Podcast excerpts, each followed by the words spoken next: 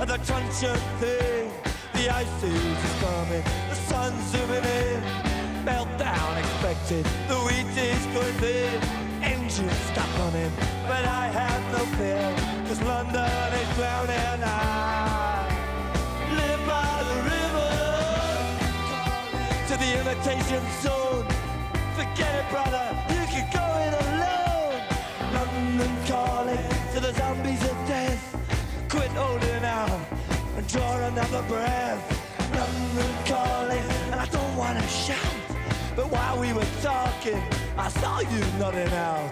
London calling, see we ain't got no hide, except for that one with the yellowy eyes. The ice is coming, the sun's zooming in, engines stop running, the wheat is going big, a nuclear error. But I have no fear, cause London is drowning. I,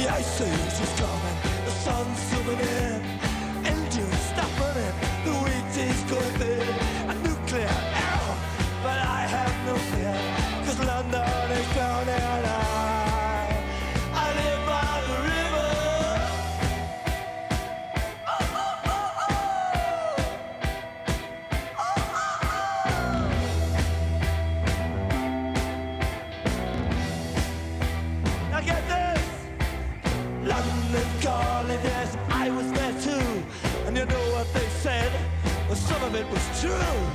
London calling at the top of the dial. And after all this, won't you give me a smile?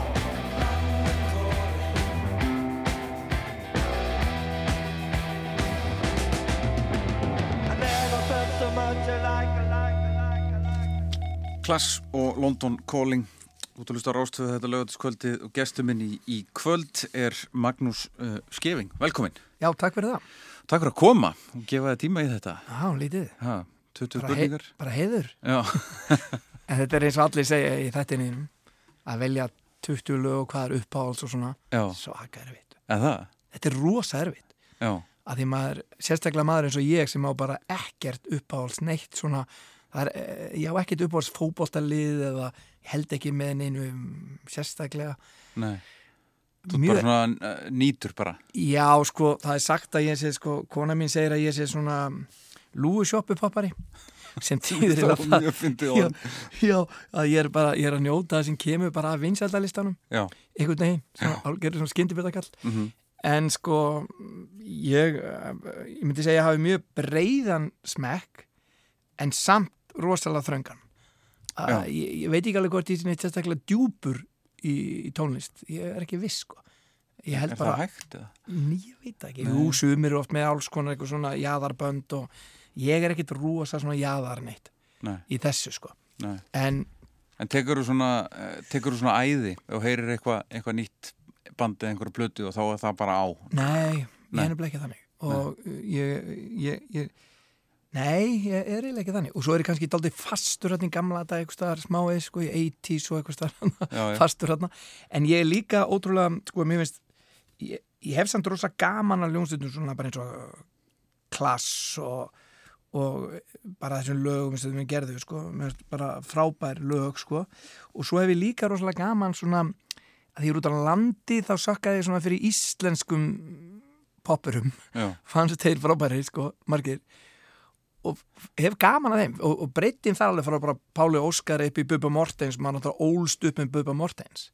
Og Bubba Mortens náttúrulega bara algjörlega uník sko, svo finnst manni sko eins og Egil Ólásson, þú veist maður, maður með þussaflokkin, maður var bara átt ekki til orð sko. Flowers eða eða Björgun Haldásson það sem hann var að gera á sín tíma ótrúlega poppari ég Mhm. meina þú bara, þetta er, þú veist fólk brauti sér tennurnar sko Já, já, en ég meina Bubbi sé ennþá miljón og hafa spilað sitt eigi stöf alltaf Mhm. það, er, það er eitthvað rosalegt við það sko Mhm. og alveg frá því að vera bara Egil Ólafsson eins og ég segi sem mér finnst vera bara eitt mest sexy maður á Íslandi sko að bara uh, hann, hann ná bara svo ótrúlega mörg góð lög sko Já. finnst mér og stöfið sem hann er að gefa út sjálfur þetta fær ekki, fær ekki mikla spilun. Mér finnst þetta alveg geðveikt sko. Og einhvern veginn bara dýftin í honum finnst mér frábær. Nýtönsk mannakott já og nýtönsk eru bara listamenn sko í mínum huga. Bara svo góði spilarar og þetta er bara svo velgert og þetta er svo anstæðina svo skemmtilegar og bjöldjörundur og, og bara þetta er svo frábært sko. Raki Bjarnan og það er alveg uník sko fallin frá því miður.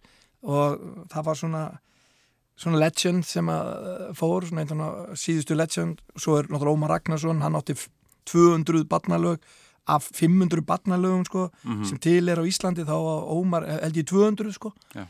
og, og fullt af öðrum textum Mm.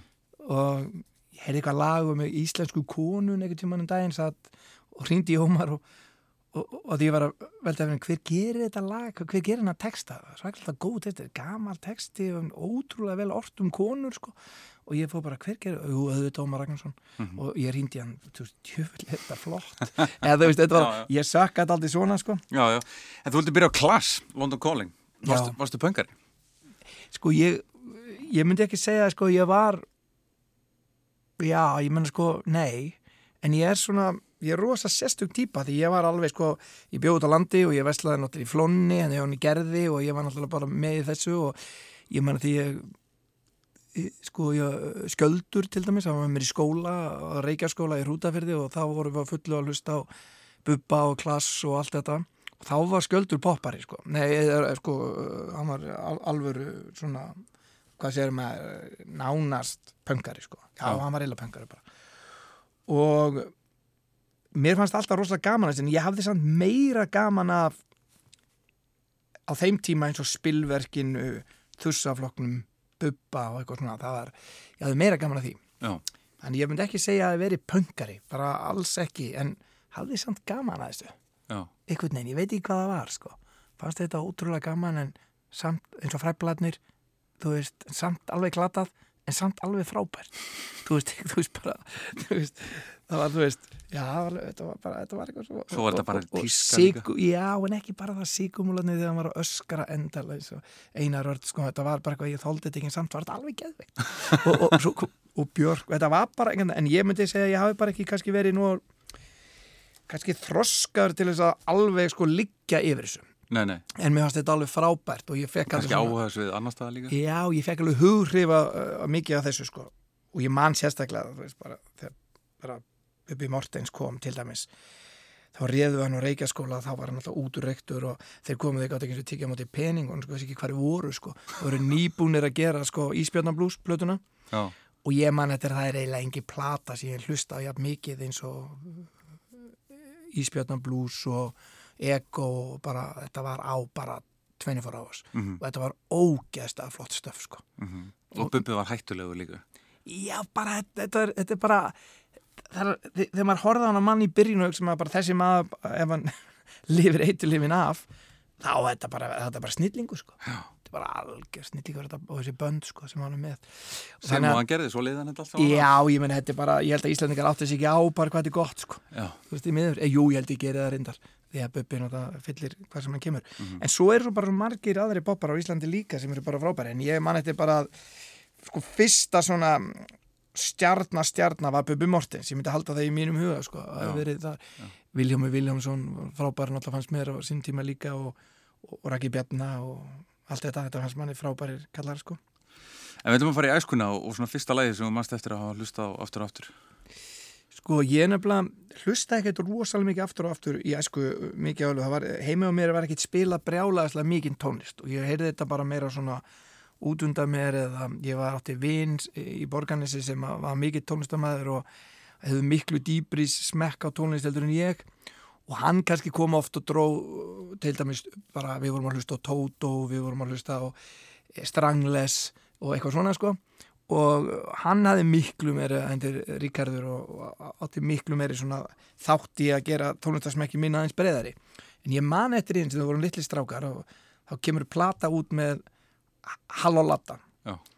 og hérna við settum hún dá í borgarins, ég keftum hún í kaufilegin og fórum heim og settum hún á fónin og ég man eftir það þarf maður að lifta upp til þess að sko nálinn og svona og, og þetta var fyrsta lægið á plötunni og við pissuðum í okkur sko. bara við grétum úr hlátri og það var þetta lag og við gáðum ekki sko við hlustuðum og bara aftur gáðum ekki hlusta lagi til enda við heyrðum bara fyrstu setningarnar og svo hlóðum svo mikið settum aftur og svo kom miðkablinn og svo aftur hvað hva sagði hann, salta pokkotn og kalda kó hvað hva hann að tala um?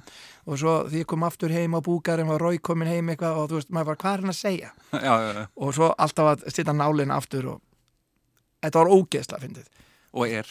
Og er. En, en sko og, og Latti er náttúrulega einn af þessum íslenskum snillingum og ég siti alltaf að latta og, og, gísla rúnar og, og ettu saman í pakka þetta eru bara snillingar sko. Rauður Róðsins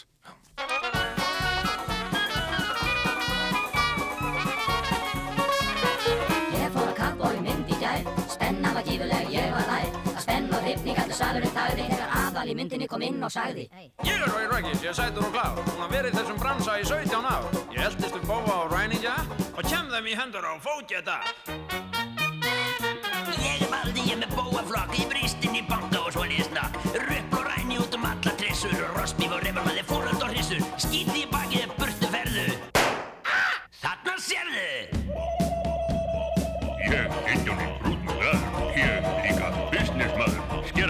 skallan, þurrka og herði, ser þeim aftur á uppbrengtu verði. Leikurinn gerist í litlum bæ Það sem lögum og reglum er kasta á glæ Þeir reynda að fá Rói til að róa liðið Rippandafóringinn stóð við liðið Hvaðan mann ég eftir þessum fjesið? Þetta er þó ekki hann eitur fjesið Jú, svo er maðurinn mannst eftir mér Já, hvort ég mann, hvað er þetta að gera hér? Ég er að plana fyrir glænit plott Postvagnir ræna og þéna flott Hvað er ég að reyna að stoppa það? Mér þetta er gaman að sjá það Í bóndi, bóndi, bónsteik Við erum þrjátíu, þú ert einn Þú verður drefin ungi sveinn. Svona verður það haft. Þú getur ekkert nema reyfið kjaft.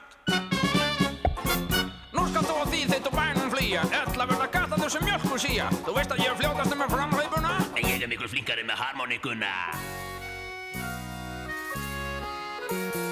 Nú kom hes og ég fekk með smók Salta popcorn og kalda kók Svo þegar ég kom aftur inn Var Rói kominn heim á búgarinn að skipta um föt. Þess eru skít og allstaða gött Ég ætla að fara í sturt og vera snakkur að. Þetta var mjög snakt bað.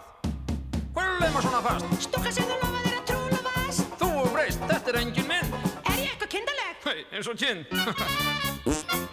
Ræ, finnur ekki nýju lyktina mér? Þetta er ekki lyktin sem er alltaf að þér. Nei, þessi nýja alveg fyrir takk. Hvað er hún kalluð? Ammoniak, Ég játa það fyrir þér hér og nú. Ég hvern mann mitt fá og hana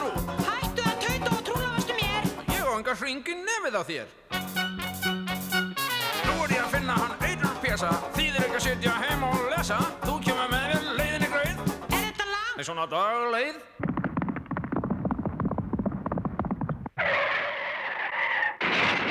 Þá vorum við loks á áfangastað. Pjess og þeir vita ekkert um það. Hér er planið, það er ekki bæsið Ég læðist inn að þú um kringil pleysið Hér er byssan. Ég þarf ekki byssu, ég er búinn að segja þér Ég gerir aldrei skissur. Ég vona Þú skalt bara telja þegar ég hendi þeim út.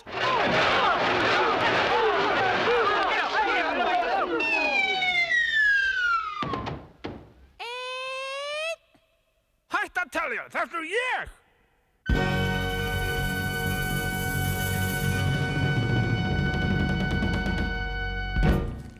Svona hljóma það, Rói Róðsins, þetta eru þeir bræður Halli og Latti og Magnús Gefing söng með. Þetta mannstu ennþá og getur sungið. já, og þetta er ekki sko, þetta er mikill, mikill texti þetta er örugglega 40 ár síðan ég hlusta á þetta síðast já, ég kann hvert einasta orð en þetta er alveg frábært sko.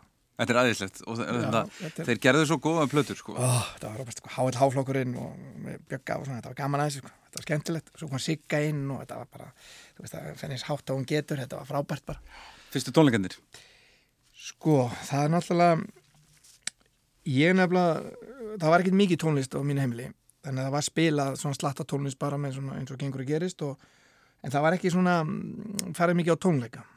Því miður verð ég að segja. E, þegar ég var ungur. En það er hérna mm, fyrstu tónleikarnir mínu svona alvöru, alvöru tónleikar sem ég man bara virkilega eftir. Það var Bubbi Mortens sem kom á Reykjaskóla. Já, bókaði þú hann? Já, við bókuðum þarna hópur á strákum og fengum hann til að koma. Þarna var ég í einhverju skóla hljónsveit eitthvað svona, ég gæti aldrei neitt í þessar skóla hljónsveit Á trommur?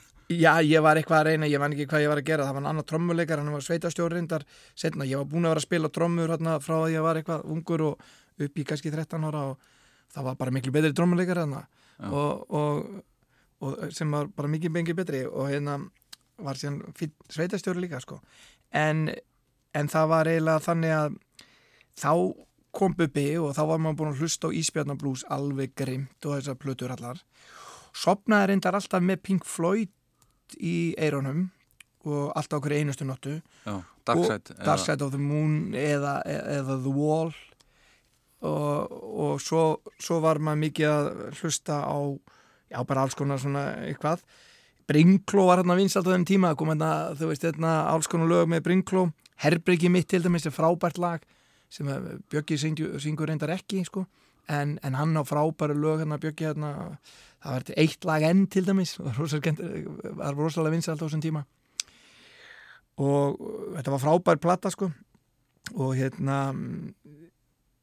og, og þannig að maður var að hlusta svona alls konar, þetta var svona hitt og þetta. En Bubbi Mortens kemur hérna Mhm. og hljónsettinn, bara Ísbjörnablús með alla magga og trómanum og bara alla gæðana Pollockbræður og bara allt þetta var geðveikt sko, þetta var algjörlega trillt sko og mér fannst bara í leðubuksunum Bubbi og þú veist, ég hef aldrei verið rosalega mikið fyrir svona, þú veist, drakk ekkert alveg eða, eða eitulið eða neitt svona.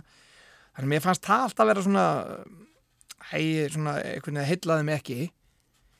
En krafturinn sem var hann í gangi sko og bara, æ, ég veit ekki, bara þetta var svo hann gætt sagt rock'n'roll. Já, já, en meir en það, hann gætt satt sögur sko sem allir skildu sko. Gætt setti í spór bara allt í bara sjómennskan og bara þetta. Þú voru aldrei stíða sjó. Já, já, bara er bara stanslega sjómennska. Og, og bara eitthvað, þetta var eitthvað svo frábært sko. Og bara hvernig hann gerði þetta, mér finnst þetta geðveikt. Ísbjörnablues, Bubi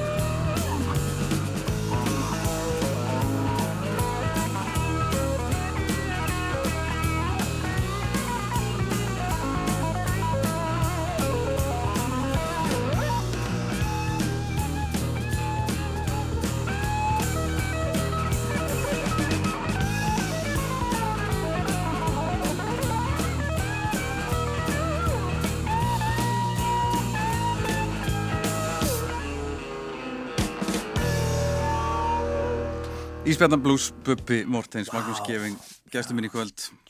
Þinn maður, Já, og ég, maður þjóðarinnar bara, ég kann alla textan hans Bubba. Bara alla. Ég held það, Já. ég held ég kunni á flest alla. Og hérna, ég er búin að Bubba alveg rosalega mikið, mér finnst það líka skemmtilegur. Já, hann er, hann er það. Eh, en hvað ólst upp? Ég ólst upp í Borgarnesi Já, og flutti svo á Kvamstanga þegar ég var 13 ára, 14 Mhm. ára. Var það fóru þar í heimistaskóla og svo endaði ég í Noregi og endaði síðan bara í Reykjavík já. bara í að Kópavoginum svona út um allt. Ég var búin að vera út um allt, Reykjavík, Kópavogi, Hotnafjörði og bara út um allt Þannig að heimir bara það sem ert hverju sinni. Já, Já. ég myndi segja það er svona farand, farandverka maður Farandverka maður, já. En, en uh, Borganesi, það er svona, þú, þú, þú batt þar. Já. Já. Hvernig var að alast upp í svona litlu, Það var litlu bara frábært sko. Ég myndi segja að það bara verið eh, frábært, geðveikt sko Alveg öllu leiti Það var ekkert þar sko sem að mann man, man vantaði sko Nei. Mér finnst það bara mjög skemmtilegt og já, bara allt fannst mér bara mjög fínt en auðvitað þú veist, þú fær ekki tækifæri heimsins úr borganessi sko Nei. það er ekkert að segja það þú, þú, þetta er ekki alveg en þú fegst margt annað Já.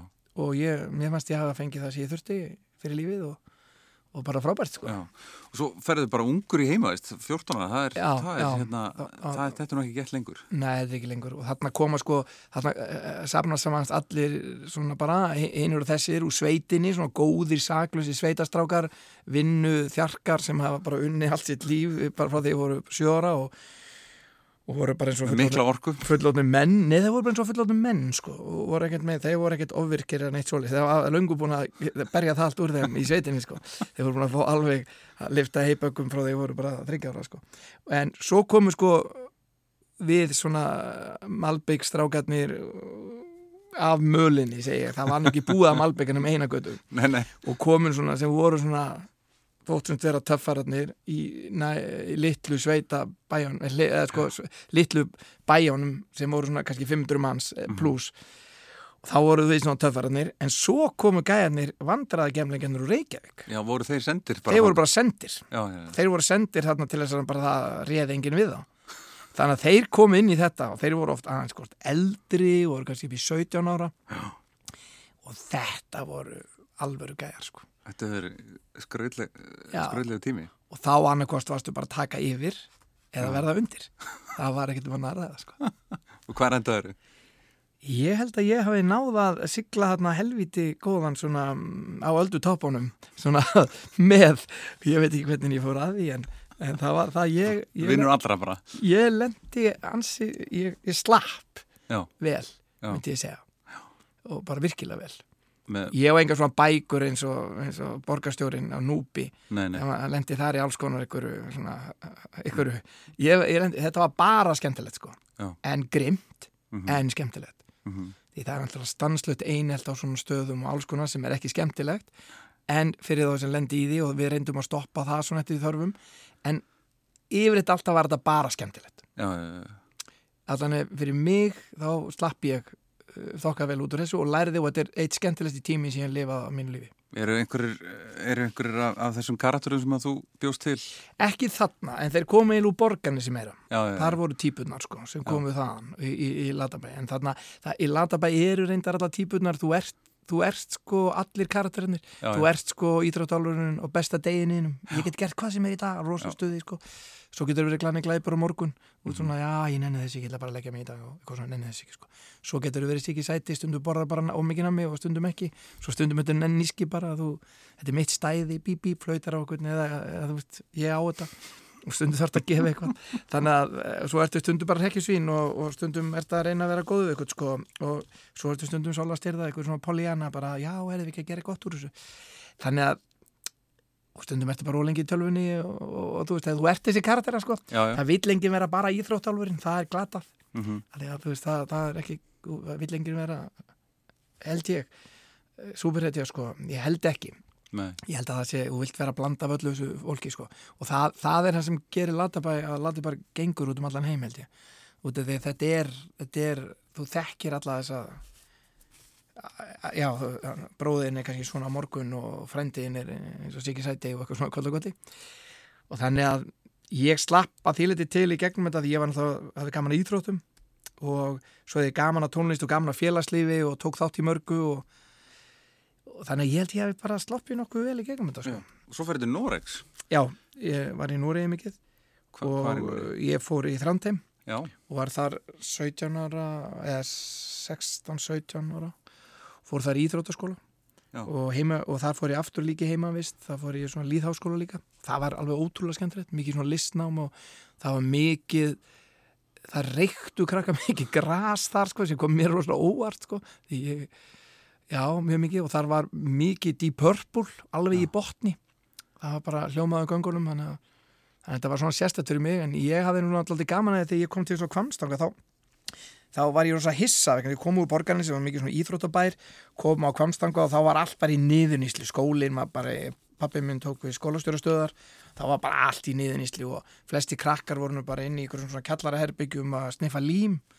Þannig ég sá ekki alveg að þetta yrði kannski brjálu framtíð að vera þarna. Nei, en ég hef alltaf haft gaman að svona mannlífi sko. Já, og ég hef oft sókt sko þekkingu mína í fólki sem hefur lent í einhverju. Mér finnst miklu skemmtilega að læra lélegri bók heldur bók sem er rosalega góð og pottet Mhm. mér finnst miklu skemmtilega að tala um fólk sem hefur sko reyn, eitthvað reynst eitthvað reynd á sig sko. Já. lent í Já. mér finnst úðalega að tala við Garðabæ endalust já, ég get tekið undir það. En uh, var, var mikil tónlist á, á heimilinu? Nei, það var, þínir- það var ekki nógu mikil en það var var samt spilari og fóræðum minn gáðu mig leiðum mér að spila í hljónsveit og með trommur heima á mér og allt það fengum að gera það mikið Já, og, ég kallaði góð að hafa gefið þér trommusett, sko. já Þetta er ekki svona... það er ég, ég, ég sapnaði mig fyrir því reyndar sjálfur já, og kefti það og fekk að hafa það í bílskutnum og, og svona sko og þannig að Þannig að pappið kom ekki í bílnum fyrir? Nei, nei, hún er alveg saman það. Þannig að ég held að þeir eru alveg stuðst eh, sko, stuttmann í því sem að ég kefti með bassa líka og lærði nú aldrei neitt lag á hann held ég. Og reyndi, var samt að reyna allt þetta sko. Mhm. en um, og, og fór eitthvað pínut í píanunám eitthvað svona, reyndi eitthvað. En uh, ég myndi segja, og fóröldum minni gáði mér líka sko, plötuspillar og eitthvað svona jólagjöf svona í gegnum tíðina. En það var eiginlega kannski það var spila heima með lög svona á, á svona, eh, á svona á spilara og þá man ég eftir svo að þú stóð hérna sko hvaða lag mannstu eftir hlustuðu fóreldari mikið og þá myndi ég segja að það veri hóteljörð Já.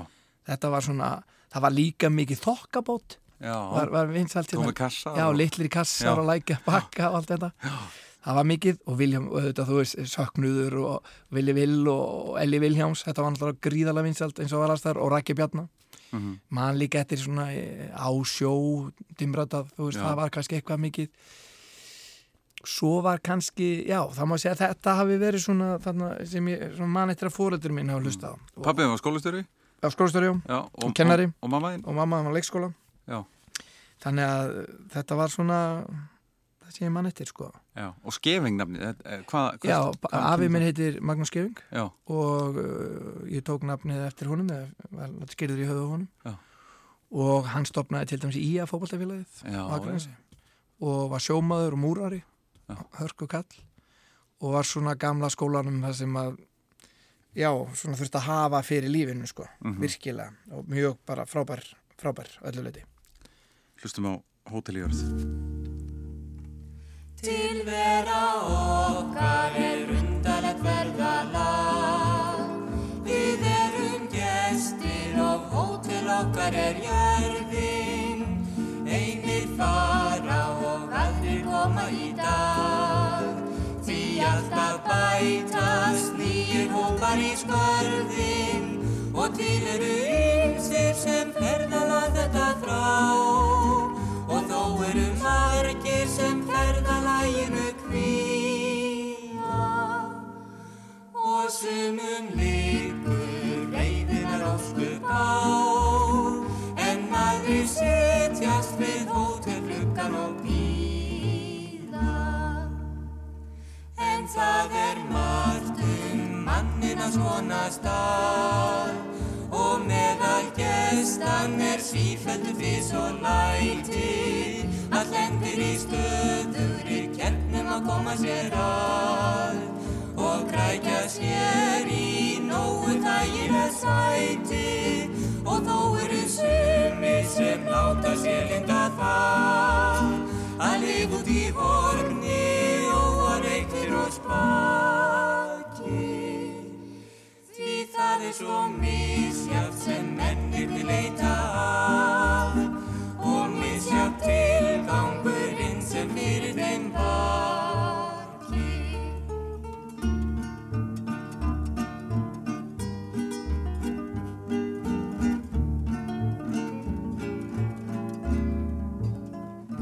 En mörgum finnst hún dýr þessi hóteldvöld, þó deilt sé um hvort hóteli sjálf muni græða, en við sem fer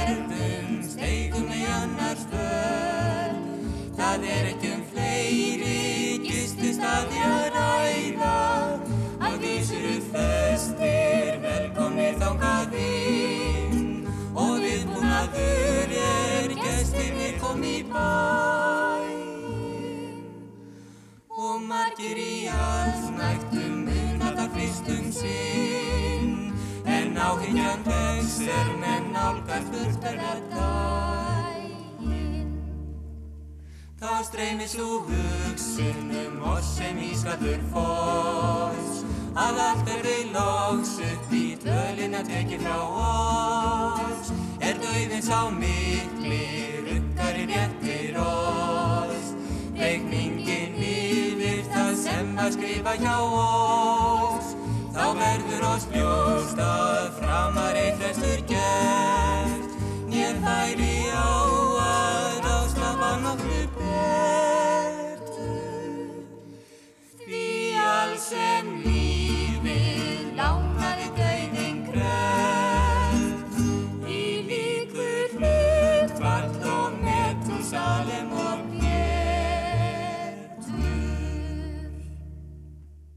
Hótel í Örð, frábært lag, Magnús Gefing er gestur minn í kvöld og, og við erum komin að áratögulegunum, hann ertu komin í þetta uppáhald sem að, sem ég spyr mannin sem á ekkert uppáhald, ég er reynda að geta alveg tengt við það, sko, Já. ég er oft spurðið, hvað myndir þú velja, hvað er hérna, hann gaman að fá þinn lista? Og hérna, mér finnst þetta skemmtilegur svona lítill leikur, eitthvað svona, að 70s-leið, hvað er 70s-leið? Hmm. Það er ekkert, veist, það er, það er vonlöst maður. þetta er svo er svakalega stórt sko. og, ég, og maður tekur eða kannski sko, já, frá 1960 til 80 það eru bara geðveik lög sko. Og maður bara, hvað heitir hérna konan hérna bassalekarinn sem bara spilar í flest öllum þessum lögum sko. hún er bara svakaleg sko. bara bassalínur sem eru bara klikkaða sko. og þannig ég ég veit ekki sko ég átti rosa erfitt með þetta að því að svo mörg lög sem að mér finnst frábær Já, En ef ég ætla að segja svona, e, sko, þá hef ég þetta aldrei gaman að lögum og finna það gegnum tíðina sem hafa eitthvað svona story to tell. Já. Eða það er eitthvað saga í læginu sem hefur eitthvað svona, tekur mig eitthvað svona journey eða fer með mig, fer með mig í ferðalag. já, Og mér spuppi oft verið að gera það, svona lögina sér þannig, eða þá mér finnst Meatloaf gerði það til dæmis, eða, eða það er eitthvað svona, það er eitthvað svona Elton John gerði á tímabili finnst mér, það er, og það er eitthvað svona það er eitthvað svona ferðalag sem ég hefur rosa gaman að, sem verður eitthvað svona þíater svona eitthvað svona hvað hétt hann aftur sem gerði hérna eh, sem að hann gerði hérna lögin að skrýðala vinsal hérna Virgin, hérna hann gerði hann frægan hérna uh, hann, hann, hann, hann útgáfu hann Virgin. Já, Bransson, hann gerði, hann gerði hann, hann, hann, þetta er alveg frægur hérna. þau voru, ég man ekki alveg datt úr minn núna, en hann er það, það er til dæmis svona líka svona ferðalög þannig að ég er svona ánægð með svona ferðalag. Þannig að mér finnst í þessu lagi var svona þess að 70 lagas það var eitthvað svona, eitthvað skilaböð eins og var í Hotel Jörð, það var svo góð skilaböð hjá heima á Jónas eða syngja þetta lag. Eitthvað svona flott, textin eitthvað góður. Og sama í þessu Ain't no sunshine when she's gone. Það er eitthvað bara svona þú það er mikill treyið í þessu þú lagi. situr eftir með einhverja mynd. Já.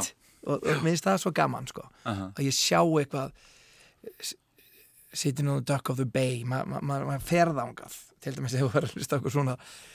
Þannig ég er aldrei gaman að þessu ég, ég sé það, ég, Queen til dæmis tekur stundum þetta.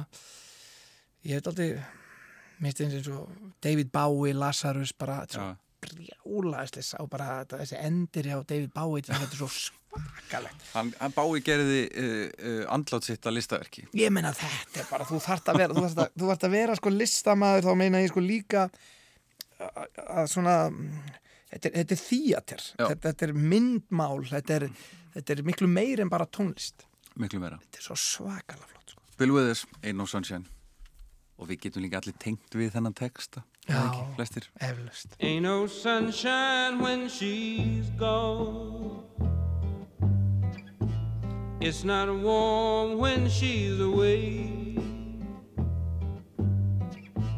Ain't no sunshine when she's gone. and she's always gone too long. Anytime she goes away. Wonder this time where she's gone. Wonder if she's going to stay. Ain't no sunshine when she's gone, this house just ain't no home anytime she goes away. And I know, I know, I know, I know, I know,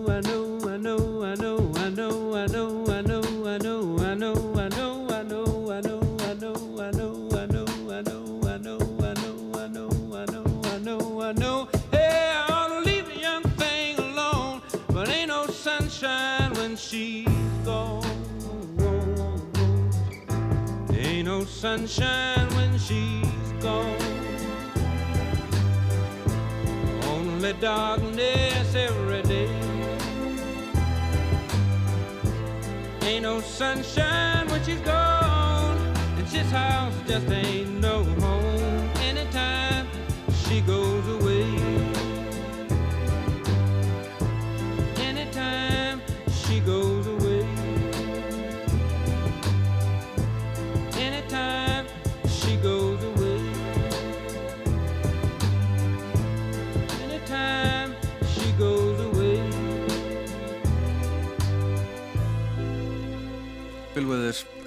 Sunshine.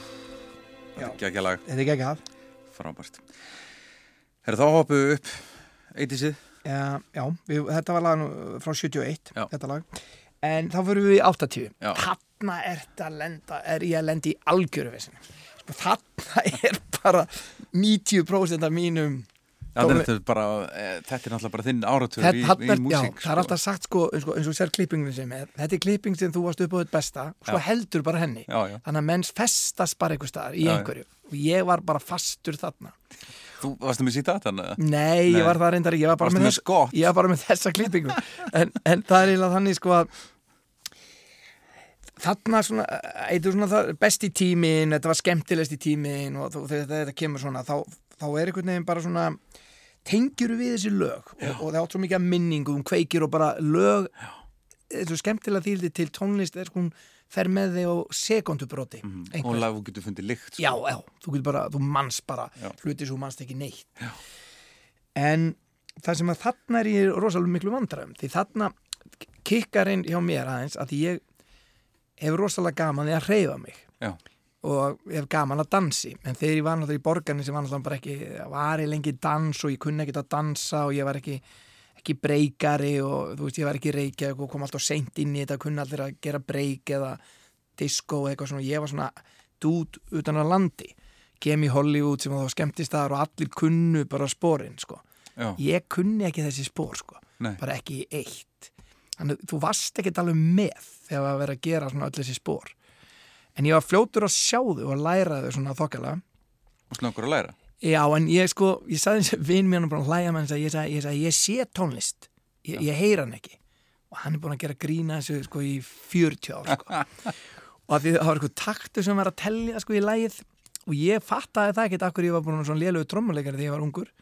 Vegna þess að ég eiginlega skildi ekkert alveg að væri bara áttatattar sem er náttúrulega bara grundvöldu fyrir trommuleik. Og bara alltaf tónlist. Já. Þetta voru ég gett að fatta fyrir ég hitti vinn minn Bjögga og hann var að láta mig telja í ykkur lag bara, veist, og ég átti alltaf smá erfitt með þetta þannig ég held að ég sé smá taktblindur þú veist, na, smá eða, þú veist, á lög, þannig að ég var stundum smá vesin því ég kendi leikfumi bara komast, bara hvar er takturinn? Hvar er bítið, nákvæmlega hvar er, hver er, hver 5, 6, 7, 8 1, 2, þú veist bara ég átti baslimend í byrjun, svo lærði ég þetta að ég fór að legg en þetta var ekki natural að ég geti bara, ég væri með tón eira. Mhm. ég held sér algjörlega tón. Þess vegna er þetta kannski svona þessi, þessi lög síðan að spila þetta eru kannski svona lúsjópi lög kannski, ég veit ekki. En Segir konaðin ekki, ég Já, mér finnst það frábæð listi. það. En þess vegna er ég algjörðu vandrar með eittislögin Já, sko vegna þess að ef ég var að hreyfa mig þá var þess bara Michael Jackson eh, Madonna, George Michael öll þessi lög eða Queen Northern Woman Bites the Dust eða hvað það heitir sko Meatloaf þetta var sem er bara uh, Paradise by Desperate Light mér finnst þetta bara klikka stöf sko. Mhm. og mér finnst þetta svo frábært en en sko en ég myndi halda samt sko David Bowie til dæmis Let's Dance, mér mér finnst þetta alltaf alveg klikka stöf sko. en ef maður ætti að segja sko það sem virkilega mér finnst það að verið geðveikt frábært lifa tímana fyrir utan ABBA og eitthvað svona þá verði ég að setja lag sem ég, mér finnst bara að vera 80s Þú veist, það er náttúrulega ekki disco beint ekki alveg disco-disco þó að sé það að, eh, að að það eru náttúrulega fullt af flott freak out og disco-lögum sem eru, eru bara frábæri eða hérna, knock on wood og Amy Winehouse og bara, uh, nei ekki Amy Winehouse Amy, Amy hérna- Grant, já, on wood og Tina Turner og komandi alveg geðveik, það eru bara frábæri lög hérna, svo eru fullt af svona disco-disco lögum alveg bara. En ég myndi setja ef ég þyrst að velja og, þá væri það Gees. Já. þó að ég fíli samt Tina Turner kannski aldrei mikið Já. þá finnst mér til dæmis bara eitt flottasta lag sem hefur ekki í 80s er Tina Turner og Ike að gera hérna hérna uh, hérna hvað heitir hann nú aftur? Hérna Tina Turner og Ike syngu hérna alltaf hraðar og hraðar hérna. Já, já, já, já, hérna, bara- það er hérna Keep on rolling Já, já, já, hérna, kritisk kleur, gammalt kritisk kleur Já. lag, þetta finnst, finnst mér í lag besta lagið myndi ég segja. Ekki bara hlusta á það þá Eða viltu taka þetta? Sko, annars er að Staying Alive Já. með, með Bee Gees, Hva, hvað finnst þér? Finn þáttur, þú ræður Púf Rolling Gekkja lag Gekkja lag Tökum það Tökum það Já You know, every now and then, I think you might like to hear something from us. Nice and easy. But there's just one thing. Job down in the city. You see, we never, ever do nothing. Working for the man Nice. every night and Easy. day. We always But do I it never lost Nice. one minute of and rough. sleep. And I was But we're gonna take the beginning of this about the song way the thing might and do have it been. easy. Big wheel keep But then we're gonna do the on finish. turning. Rough, Proud Mary, the way we keep do. on burning. proud Mary. And we're rolling, ooh, rolling, ooh, rolling on the river. Listen to the story. Left a good job Down in the city, working for the man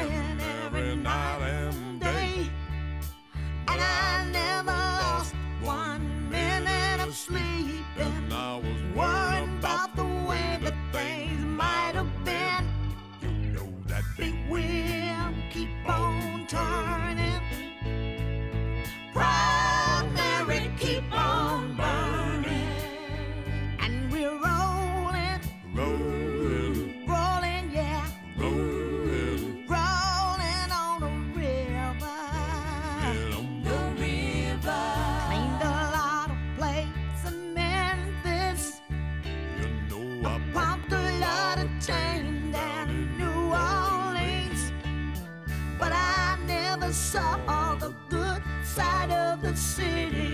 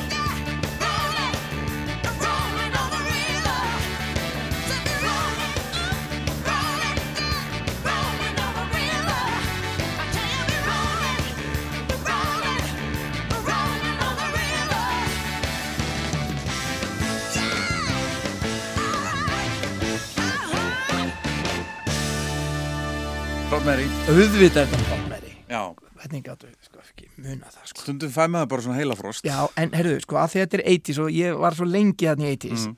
og þetta er öll lögi minnir þarna og ég fæ bara eitt. Má ekki heyra smá byrjun á Biggies bara pínu þarna Stayin' Alive. Svo fáið smá bara þú ert ungur svo fáið aðeins bara hvað var í gangi þarna sko. og sérðu bara Jo- John Travolta fyrir þér bara. Skilur, Stayin' Alive, þetta bara, sér, hlusta á þetta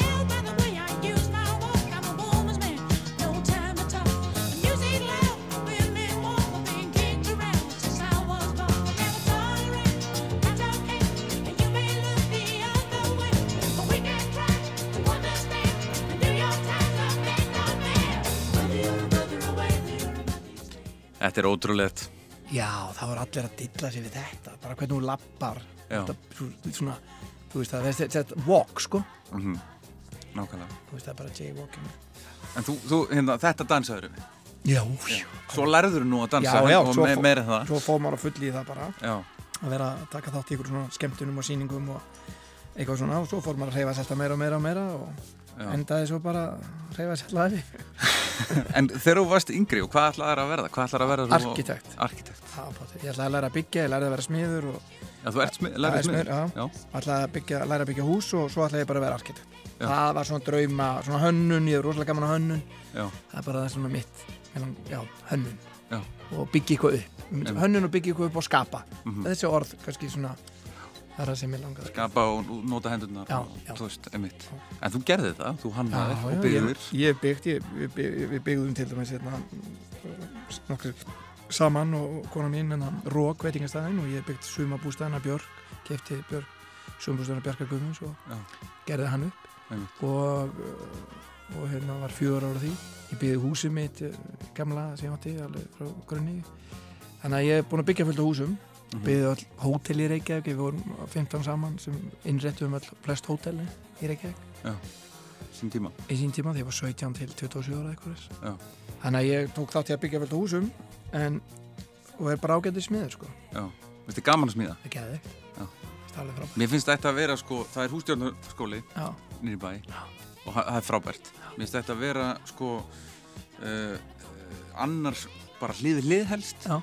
Og, og þar væri bara einmitt grunnur í smíði munurinn á þessum hamri og hinnum hamri Já. og bara sko, kenna manni sko, undirstöðunar í, í að smíða og Algjörlega. laga hluti og vegna sko ég hugsa þetta svona ef þú námið, þú getur notað allt þitt líf vegna að þú ert að fara að byggja þér hús sjálfur eða taka þátt að gera eitthvað íbúð eða gera eitthvað og og ef þú kannt það þá getur þú bara að spara þér fullt af penningu þú ert bara, Já. þú ert á launu við að læra að vera smiður Já. í raun að kemur setna já. en auðvitað væri, það er ekkert gott fyrir skrokkin endur að vera smiður endalvist sko, sko. en, en bara gaman veist, að, að skapa eitthvað og væri gaman að fá fleiri stelpur í þetta Já, nákvæmlega, nákvæmlega. Herru, nú er það 90-sir Úf, þarna, ég veit ekki hvað gerðist þannig í 90 hjá mér. Kannski var ég bara svo upptíkin að komin í íþróttirnar eða eitthvað, ég bara veit ekki eða bara eitthvað. Hvað, hvað varst að gera milli 90 og varst ekki bara að skrifa og þróa á hann að latabæg og setja upp þessar sýningar jú, jú, og já, bara, já, bara þar hurfu bara bara vinna? Já, bara vinna dag Já. og nótt. Og þannig, að- þannig að ég- ég á ekkert rosalega, sko 90s er ekki mitt sterkasta svið bara og ég var að segja alveg eins og er. En ég man eftir því að ég var að ég skemmti mikið á þessum tíma. Var, var veislustjóri og skemmti mikið og Casablanca og, og, og Ömmulú og Hotel Íslandi og Broadway og bara neymit sko og út um all land þá vorum við með svona dans svona hóp og skemmtum fullum íslendingum og þá í hemma Gunn líka, þá fór maður með mikið af Mhm. Ég man eftir það bara þegar ég var krakki. alls konar. og það var til dæmis, þá tókum við mitt svona eitthvað sem ég var alltaf ógeðslega lélegur í, því það kom svona komið svona nýtt svona ha, svona smá funk og house svona eitthvað svona í þetta og, öðruvísi spór það var ekki lengur svona 80s, þetta var orðið var svona meira töff Já. ég var ógeðslega lélegur í þess að reyna að vera töff sko. og, en það, ég man eftir að ég tók þátt í þessu og ég man alltaf eftir þessi Can't Touch This Mhm. það var bara MC Hammer, MC Hammer. Hann, 90s var, var bara maðurinn Já. að þarna, hann átti náttúrulega hvað var ekki nýju vikur eitthvað 26 26 vikur Já, á tónum en þarna datt ég aðeins út bara Já. þarna var ég bara held ég að vinna bara Já. alla daga Einmitt. og, en þetta lag er geðvegt MC Hammer er það ekki bara? Jú Can't touch this. touch this. Can't touch this. Can't touch this. My, my, my, my music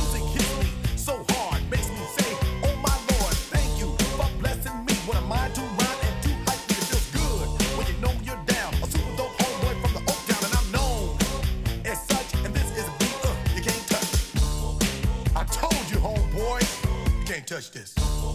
Yeah, that's how we living, and you know you can't touch this.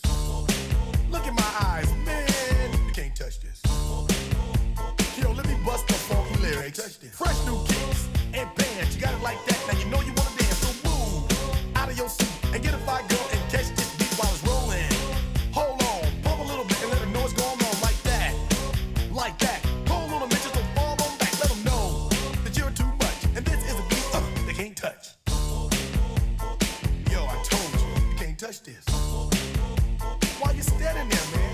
touch this.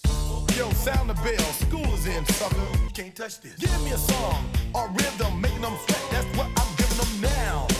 They know. You talk about the hammer, you're talking about a show that's hyped and tight. Singers are sweating so fast, them a white or a tape. To learn what it's gonna take in the 90s to burn the charts. Legit. Either work hard or you might as well quit. That's word because you know you can't touch this. You can't touch this. Break it down.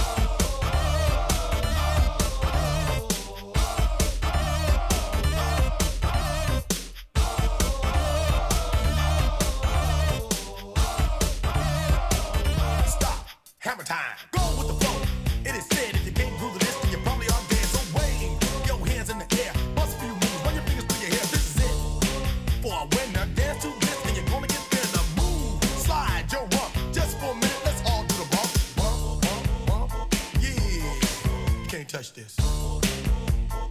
Look, man, you can't touch this. You better get a hype, boy, cause you know you can't, you can't touch this. Ring the bell, school's back in. Break it down.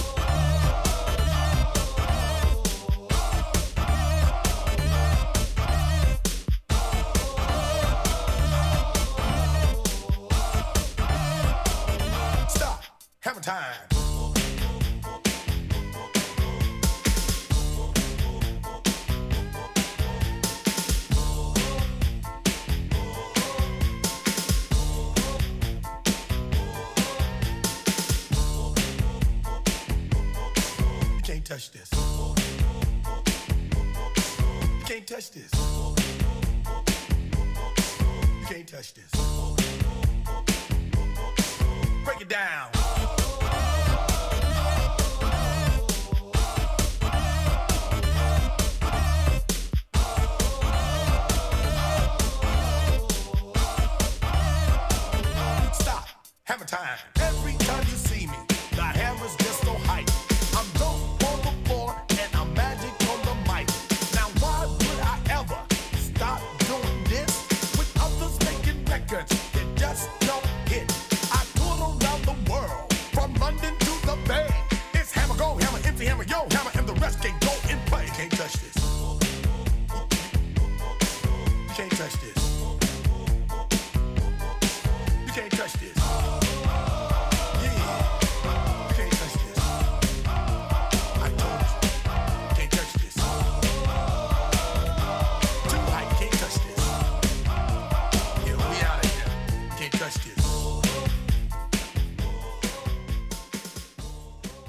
MC Hammer, Can't Touch This Mhm.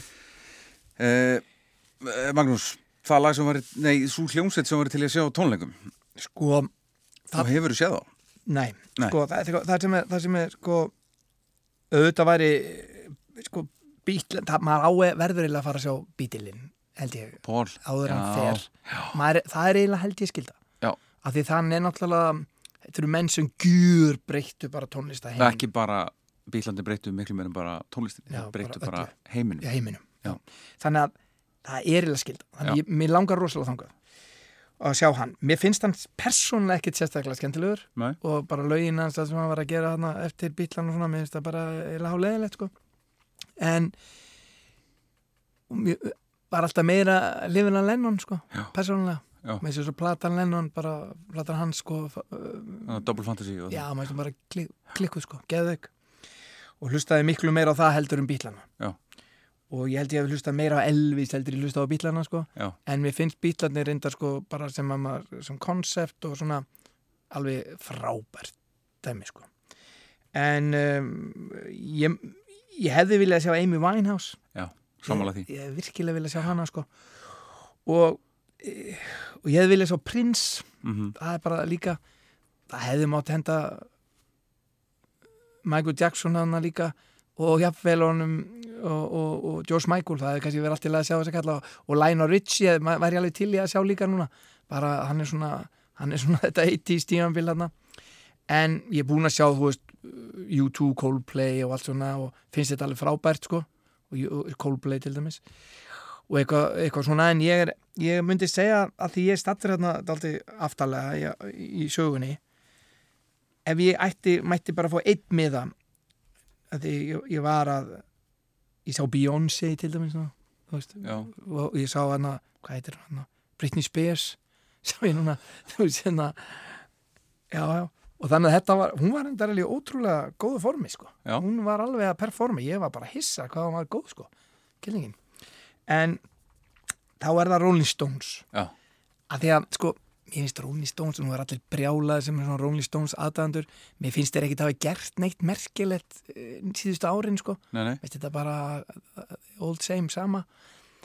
En maður verður þegar maður horfir á kallana og sérstaka Mick Jagger reyfa sig og bara þessar bara típur allar. Kifri, þetta, er, Keith, og, þetta, er, þetta eru svakalega típur. Já. og þetta er bara gæjar sem eru enn, eru eitthvað hætti farnir, bara búm eitthvað, þeir eru ennað Já, þau eru ennþá það. og maður Það er verður fanta formið, sko. Já, maður verður bara að segja, ég sá núna að hann var að, að hoppa eitthvað að ræfa sig eitthvað, þú veist, hann var lág með eins og bubbi sko, með Já. sippubandið, hann var bara í feikna forma, hann bara eins og 17 ára að sjá hann sko, bara að hreyfa sig Já. Það- Og að syngja líka, sko. Já, svo syngur hann bara fullu ég, Mér langar að sjá þetta en Satisfaction bara, er það ekki bara lagið? Það er bara lagið, rock'n'roll.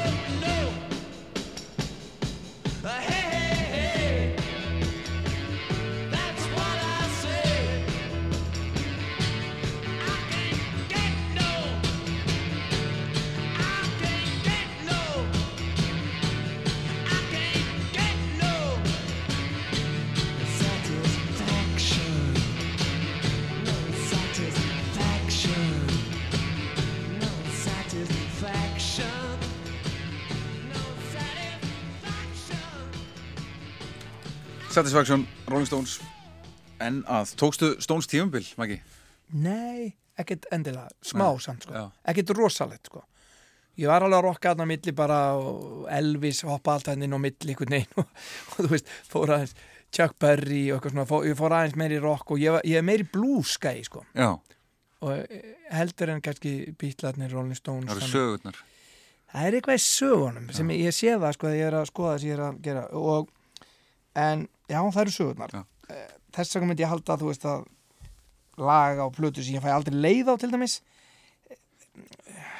það er eitthvað sem er sko ég finn eitthvað nýtt og nýtt í sögunni. Og ég myndi halda að það væri svona Pink Floyd, Já. The Wall eh, mér finnst það alveg frábært stöf sko. David Bowie, Heroes Let's Dance og allt þetta með David Bowie svo hvernig hann klára Lazarus með sín og öllu þessu dóti sem við varum að tala um áðan þá er þetta bara reyn listaverk sko. Og hann er svona þýjatir hann David Bowie þannig að og ég myndi en þannig að það er erfitt að velja þarna líka hvað plata er, Uppáhalds, eða svona fær ekki leið á? Ekki leið á sko, en þú hlustaði mikið á Pink Floyd? Mjög mikið. Já. ég sopnaði við Pink Floyd okkur einasta frá bara 14 til 16 ára. Já. okkur einustu kvöldi. Og um, þannig að sko, en það er þáttið skrítið þegar maður hérna þetta er ekki samt svona plata sem ég myndi sitta á í dag bara, er, já, þetta, er- og ég er þetta svona stemmingkall að þýliti til að ég þarf að ef ég er í í heita bátunum þá er kannski eitthvað annað. Ef ég var á lifting, liftingaðingu var eitthvað annað. Já, já. ef ég var á gömlum bíl þá var eitthvað annað. Þannig þetta er ekki alveg, þetta er meira svona staður og stund en ef maður væri að taka á eyðeyju og ég mætti ekki velja neitt, þá myndi ég taka klassíska tónlist Já. ég, ég held að það væri ekki spurning Já. þá tek ég bara klassíska tónlist ég myndi hlusta mikið á klassík Já, ég hlusta mikið á klassík og, og hafði ekki gaman að jazz jazz ekkert sérstaklega Ég skemmtilegur. hlusta mikið á klassík líka því að Já. það sem að klassík tónlist gerir fyrir mig, ég veit ekki hvort sér saman á mér, að það tekur hausin á mér og svona Já, algjörlega, ég er sammála þessu og ég hef meira og meira gaman að sem ég eldist og þá er kannski aðeins að þroskast vonandi. Já, já, saman hér. Og saman með jazzin ég, ég, er, ég er allt í núna er ég byrjað að hafa áhuga jazz bara allt í núna er ég byrjað að Hlusta Miles Davis maður? Já, minnst þessu Miles Davis og bara fullt að Louis Armstrong og eitthvað, þú veist, og allt þetta sem var blues náttúrulega sem er og, en ég byrjar að koma miklu meir í jazz svona bara að hlusta bara óvart. Já, það er ekki að ég fari bara og, og, en ég bara ó, meir og meir og ég er meir og meira gaman að þessu en ef ég veit að segja sko, ef ég veit að taka eina plötu í þig þá væri líka Sade sem, sem, eh, Sade, sem komin að mér myndi grenjulatri, að því að mér finnst það svona smooth. Já, það er bara svona, það er hvorki nýja en óbúst að þægilegt en, en það væri klassísk tónlist að ég myndi fatta að ég þyrst aðeins að meira að æfa mig meira í því þannig ég væri alveg tilbúin að taka klassíska blötu en svo plata sem ég svona hafði áhrif á mig myndi ég segja að það Hlustum bara á náðu breyk Já.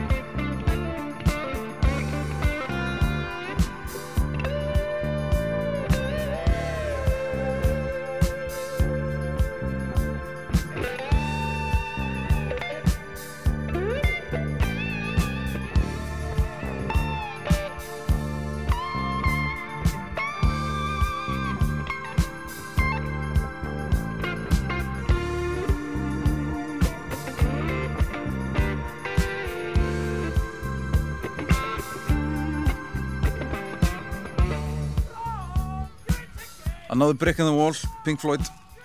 Magnús Geving er, gestur minn í, í kvöld og, og við erum komin að fyrstu plötunni. Hér er saga. Já, það er sko, það var nú ekkert, það var engin plötubúð í borgarnesi þegar ég var ungur. Það var bara kauflæði Það var kauflæðið og það komu nú einhverja plötur en ég held að ég hef henni kannski bara ekki verið alveg nógu góður til þess að þetta var ekki alveg á ratatnum. Vinu minn kefti kannski plötur eða fór í bæinn og fekk mér í plötur Rikki. En ég, ég náði í plötu og ég man þetta var bara 45 stundinga plata og var hvít með svona pelikani á Já. og ég kef, var búin, ég var nýbúin að koma með trommusett sem bara ungur strákur búin að eh, klæða það ég keipti sikkur á trommuna sko, bassatrommuna og tomtom-trommuna og svo snerilinn og þetta sikkur á áttinni og Svona samtíningur. samtíningur svona, það áttir ekki fyrir þessu öllu sko, að kaupa þetta allt í einu og þá settur þú svona flaugjel utan og það limdir sjálfur á allar trommuna tókar allir sundur og gerðir allar svartar og reyndir að gera svona eitthvað úr þessu sko.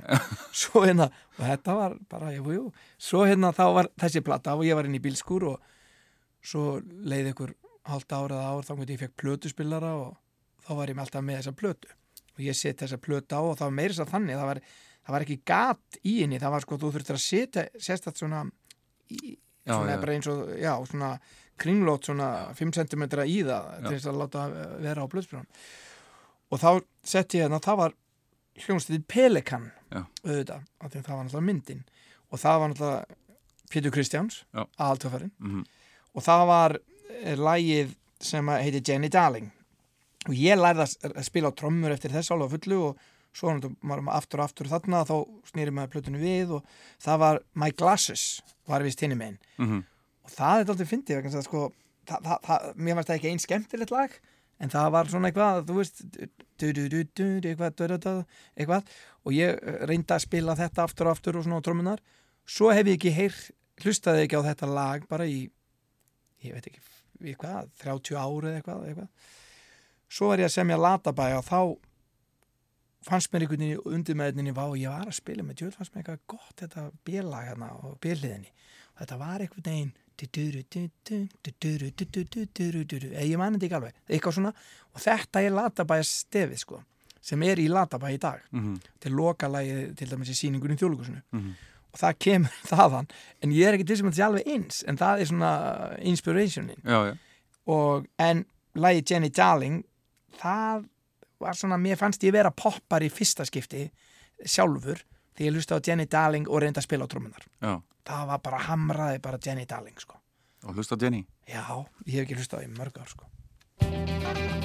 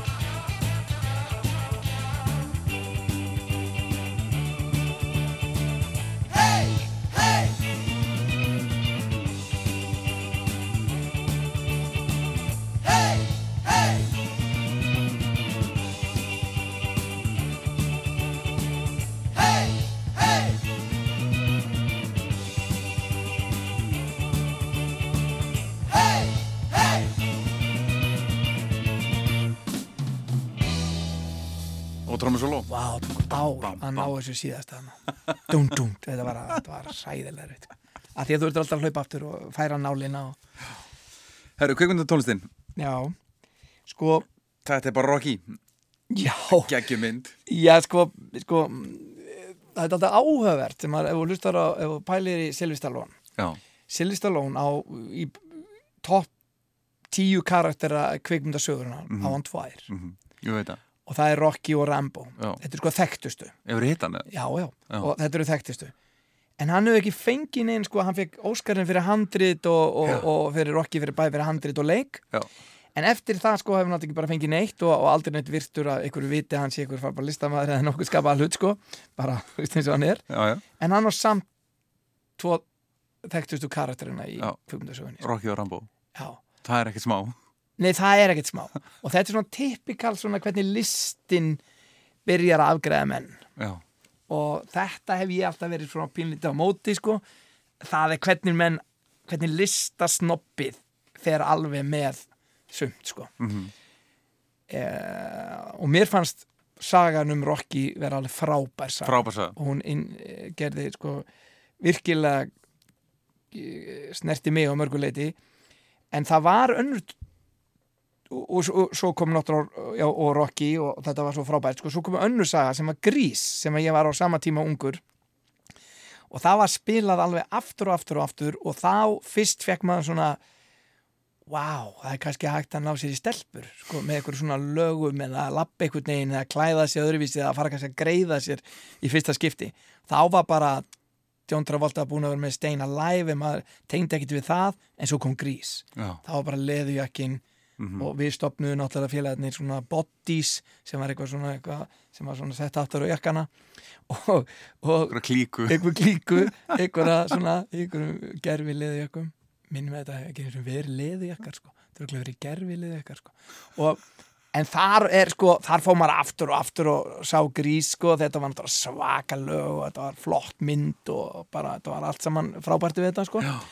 Þannig sko, en svo er auðvitað til kvíkmynda tónlist bara eins og, ég meina, ég hef aldrei orðið eins, eins miklu inspiration eins og ég horfði á Jóker, bara, bara senuna með það sko. Já, hann það, er bara klikkað stöf og eh, spagetti vestrana Mhm. þú veist, það er bara ítalarnir sko, það, er- það er líka alveg frábært Já.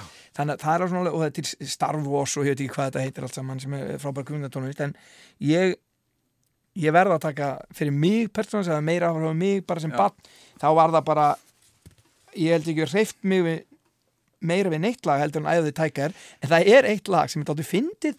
Það er eiginlega lag sem ég reyði mig sem ég þurfti að gera því ég kendi leikum á þessum tíma, ekki tíma að ég var eldri Já. og þá kom eitt kvimdalag sem heiti Flashdance Já, já, sem er hérna Maniac sem er alveg, það, ég veit ekki hvað ég þurfti að reyða mig oft við það, já, á einhvern tíma ég kendi leikum í 80s, út um allan heim en ég myndi setja Eye of the Tiger fyrir mig ef ég hef mætt á æfingu svona í gamla, gamla dag það fannst mér þetta gæðið Já.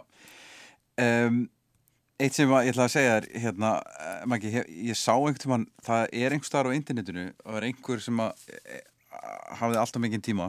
Já. tók sér til, mannst í Rocky 1 hann verið út á skokka hann hleypur stegan já, hleypur end, endur að hleypur stegan hann hleyp allt út um allt í Philadelphia og geggja aðri ég gerði það núna, ég bara hann verið 7 árum. Gerðið, ég prófaði þetta, hljópuð upp hann og allt. Tókit upp, en þetta er bara pínvítið stíl, þetta er ekkert átt sko. En sagt, öll atriðin í myndinni þegar verðan skjótið þetta er út um allt í Fíldelfi og það er einhvers sem tók sér til og sá öll, alla gödunar allt og, og fór á Google Maps og reknaði ok, hvað hljóp Rocky langt, hversu langt hljópan Já þetta eru 58 kilometrar Nei, ok. Já, já, vá. Þetta er svona skemmtiskokk bara. skemmtiskokk, það. og þá er það atriðið í myndinni. Það er bara út um allt í Philadelphia þetta er góður rammi og þetta er góður rammi og einhvers er reiknað út já. þegar Rocky fór út að hlaupa þá hljópan í 58 En þetta er, þetta er alveg ikonist Já, geggja atriði. En, sjáðu sem dæmi Hann fekk, þegar stittan var sett upp hann Já, það er já, já, já. Og þá var háskólinn sem er þarna eða, eða safnið sem er þarna Þeir leiðu honum ekki að hafa það Það komu fleiri þúsund mann sko að sjá þetta bara á dag Já, já, sko og taka þennan. og þeir tóku stittuna nýður og setta hann fyrir hliðina þú veist í burtu, hann fekk bara að hafa það myndi var svo kom allir að sjá þetta, hvað er stittan og þá setta hann einhvern rétt við hliðina Já, já. þannig að hann fekk ekki eins og hafa stittuna hann uppi sko. Og, og, og það er engin að koma að sjá þessa, hennan háskóla eða þetta, eða þetta, þetta sapp, ekki einn maður sko. Nei. en það kom allir að skoða þetta Já, já. Og hvað varst að gera hann í Philadelphia? ég var að vinna með PBS Sprout sem var sjóanstöð Já. var að gera latabæð fyrir bandaríska markað þannig líka Já. og fór þangað að vinna með þeim og, og bara þá ákvæði að taka þetta skokk Já. skokkaði þarna upp og gerði hérna Upp með hendur? upp með hendur og allt þetta og Adrian og allt þetta, tók allt þetta því maður hafði séð þetta sem batn í gamla dag í borgarni Það sjálfsögðu. Rocky.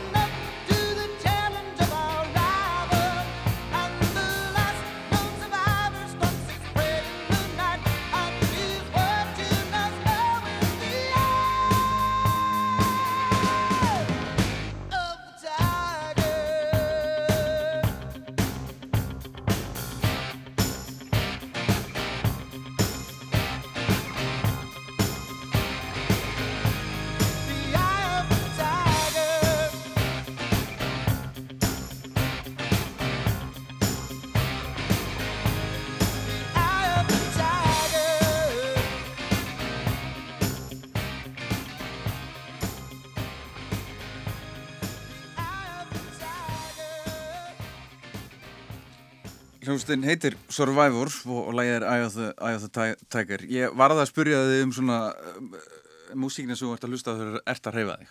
Að, og, og hver er þín reyfing í dag?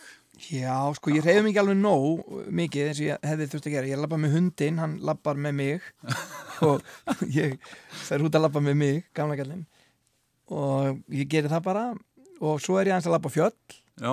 ég er svona, kona mín dreifur með þangað og hundurinn og svo er ég að reyna að halda mér að svona aðeins. En ég er svona að byrja aftur að fara svona að því þú ert búin að æfa svona óbúslega mikið gegnum tíðina þá viltu svona æfa þig niður og byrja svo rólega að æfa þig upp aftur að, að því að þú ert eins og Formule 1 bíl bara búin að vera í botni allt eitt líf. Já, já, já, þannig að líka minn er svona aðeins bara, úf, já. og reynir að fara þar hratt á þess að sprengja vélina sko. búin að vera alltaf þar. Þannig að hún hefur stundu sprungið bum, bum, þannig að þú ert svona smá bættur þannig að maður er svona bara að taka já, lappa út með hundinn og svona, og Já. svona meira náttúran, kannski meira já. núna úti úti, meira, meira nákvæmlega. og lifta einn þyngd og eitthvað svona sko.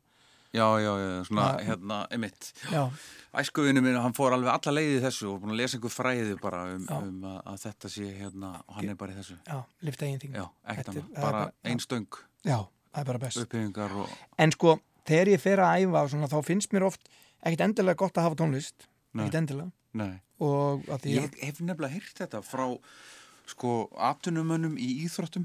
S- hérna bæði hóp, fótbolta og handbolta og bara, eh, alls konar uh, að engi músík, Nei. bara fókus. Já, veit það, ég hef, ég hef gert meira því sko í rauninni, en ef þetta er bara svona stuð og gaman eitthvað svona, þá myndi ég halda að þetta væri bara lægið sko, Já. ég myndi þetta er kona mín eh, við fýlum þetta bæði og þannig að þetta er kannski bara sameilegt, þannig að bara maður setur þetta bara á og svo fer maður bara á stað. Uprising, Uprising, Já, mjús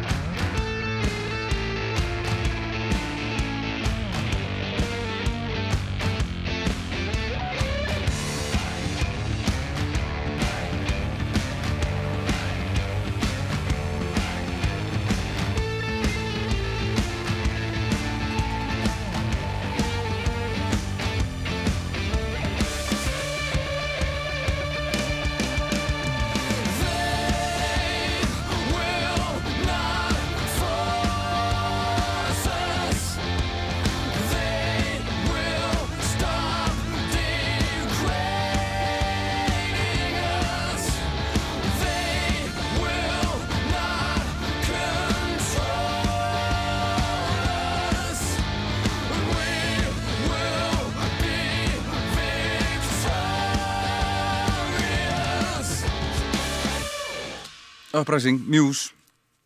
Frábært lag. Uppbólt íslenska lagi, Maggi? Já, vá. Þarna, þarna er svona svipað eins og 80s Já, já. Þarna er innkaupa karvan tróðfull Já.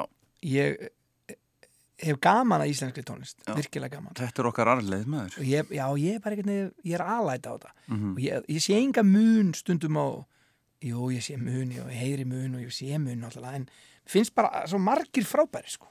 Mér finnst alveg, sko sálin, ef ég ætla að fara virkilega verið í stöði, sko á, bara sálin, alveg geðveikt band. Uh, spilverk þjóðana finnst mér frábært band, Þussaflokkurinn Bubi Mortin, Eid Ólafs K.K. finnst mér geðveikur.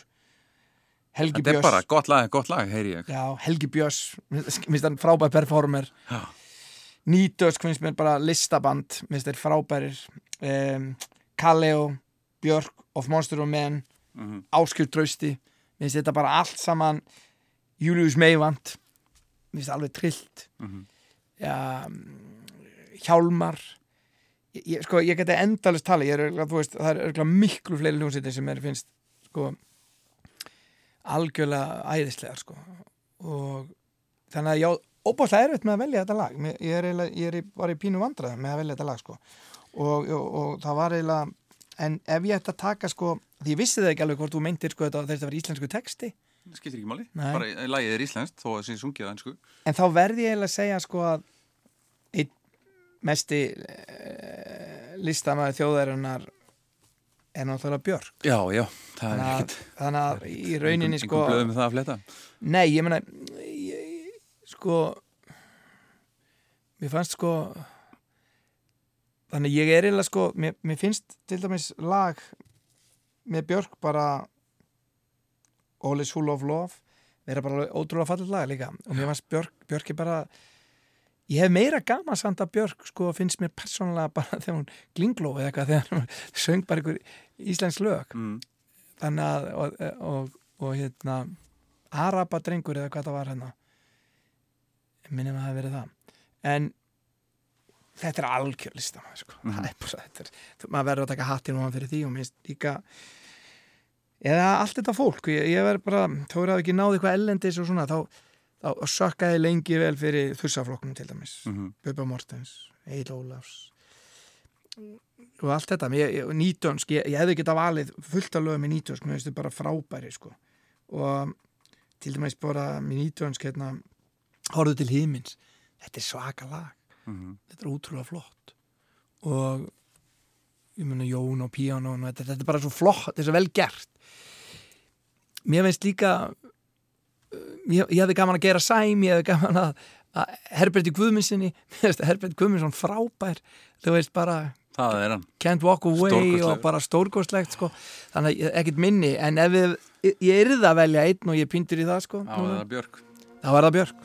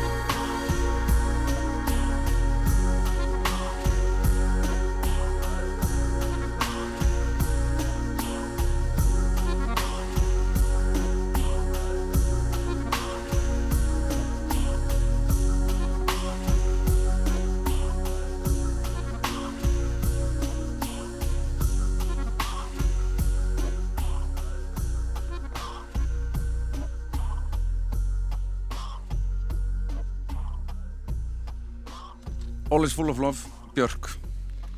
Já, við, við Björk tengjumst aðeins. Allan að tvisvar. Það er eiginlega, ég kefti gamlan bústað sem hún átti, sumumbústað og þar hefur hún skapað ykkur frábær listaverk. Og andin í húsinu er frábær þannig að um, mér líður ótrúlega vel í þessu húsi sko.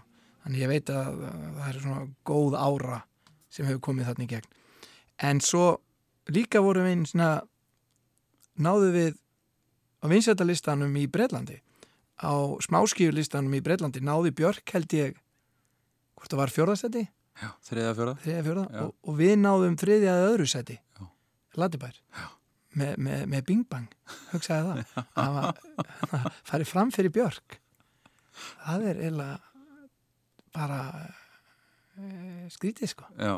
en það er Máni Svás Mhm. þannig að hérna, þannig að mm, það er ekki slæmt Nei, það er nefnilega ekki slemt sko. Og, og, ég- og þetta bara Latibar er náttúrulega bara síndur út um allan heimið það ekki og það bara Jú, það veist- mest held í 170 lönd og Já. mest held að seria á Norðurlöndum fyrir að sér í sjónvarpi er, er eh, Borgen Já.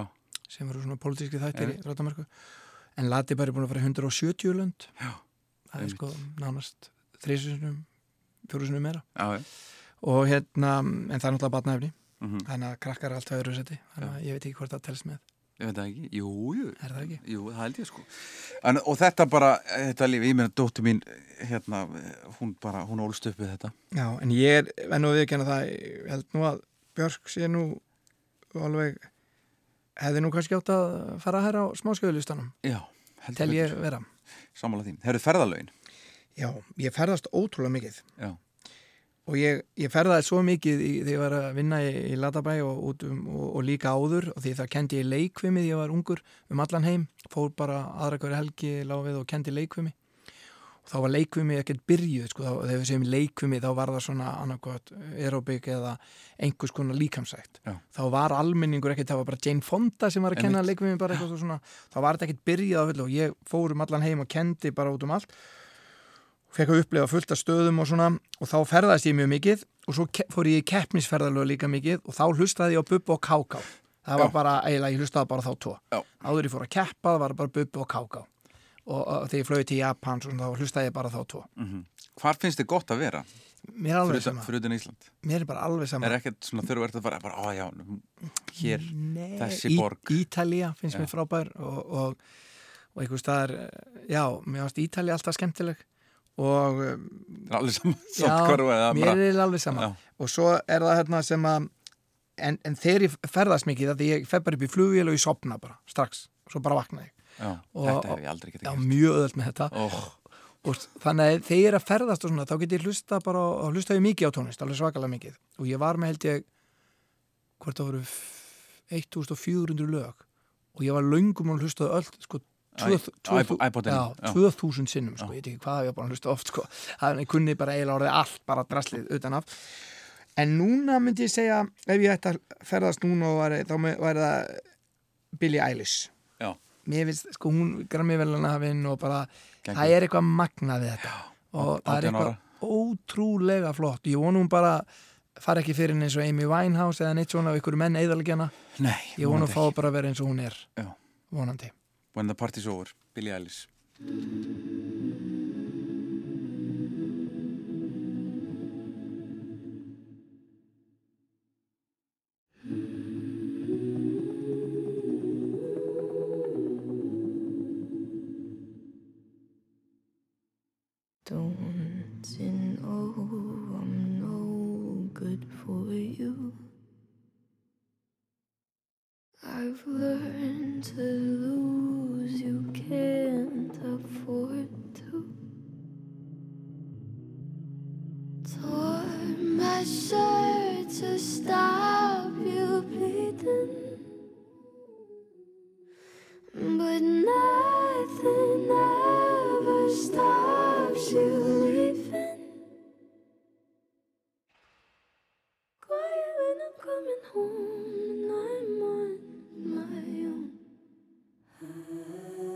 Like it like, say I like it like that, like it like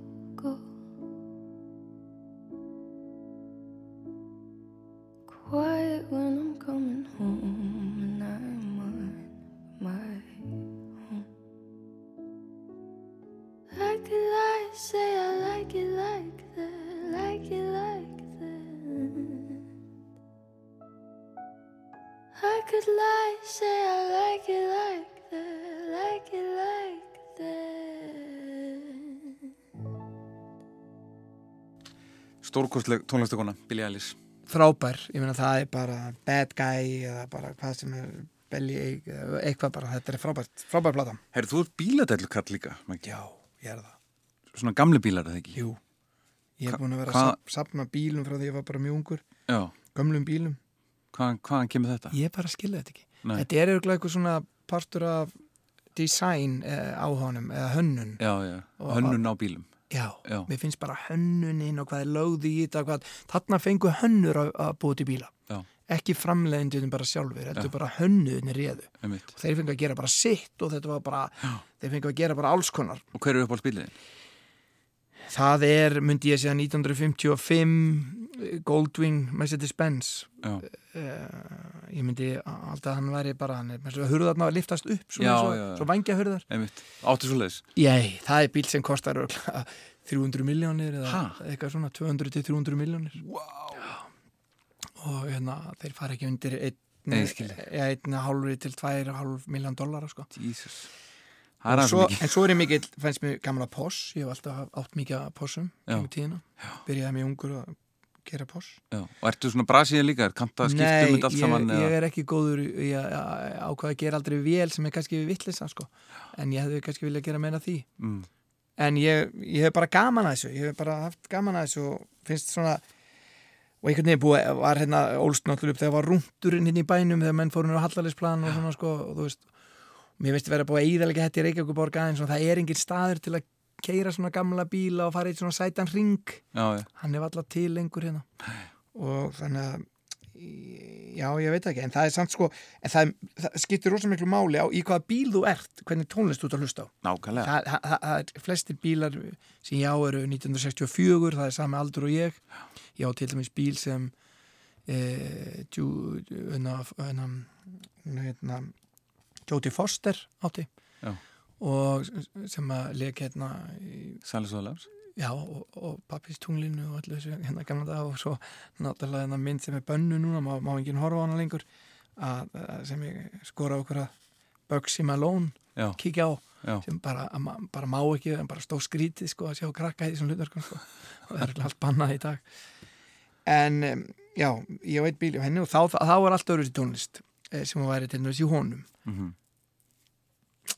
En, eh, en ef ég væri svona bara rúndak og í, á landróðurinn mínu þess, ég á landróður keiri stundum út í, út, út, bara úti í náttúruna keir, þá tæki ég þetta bara helga og tæki hann að landróðurinn nákvæmlega. landróðurlægið og eða hitt hérna nýja lægið hans helga hérna, hvað heitir það hérna Bera sér allir vel bera sér allir vel bara og er bara eitthvað svona, bara eitthvað eh, reið, eh, reið með vindana eða hvað það heita, bara ég væri bara með helga eh, og Já. grafík bara, þetta Já. væri bara því ég- gaman að því, en ef ég væri til dæmis bara að keira svona og já, langaði að vera svona suðmar og sól og stuð sko.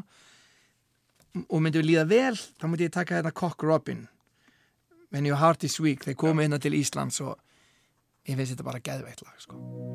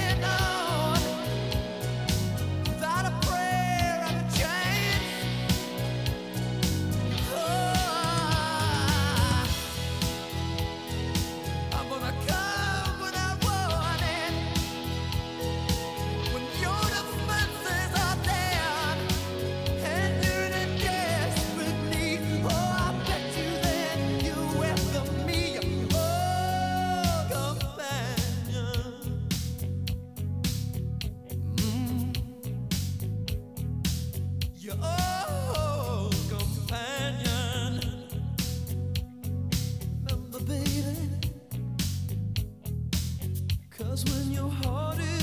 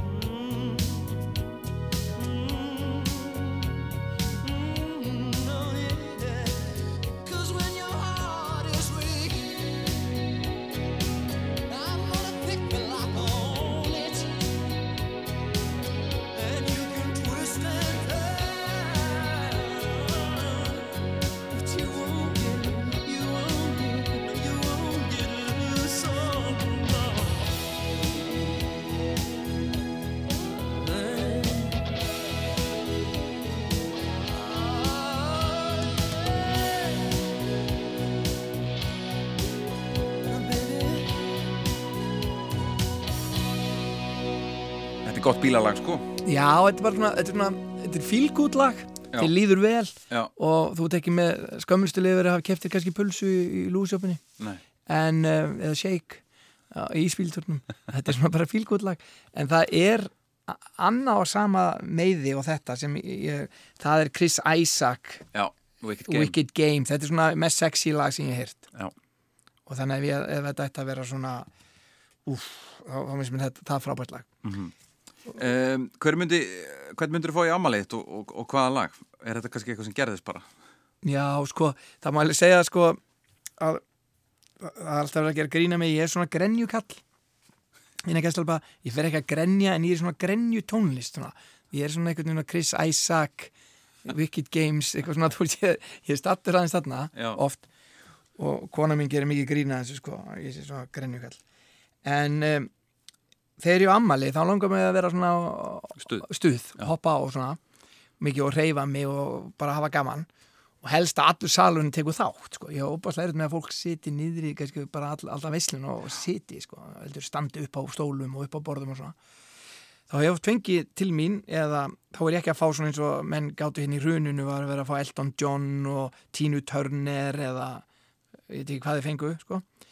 ég hef fengið sko, til mig mikið af svona ungum listamennum og, og eldri líka bara frá enna, Can't Walk Away og alveg upp í upp í bara Pál Óskar eða Frikadór eða hvað sem er en ég myndi segja að það væri MC Gauti þú veist, mér finnst hann frábær performer Mhm.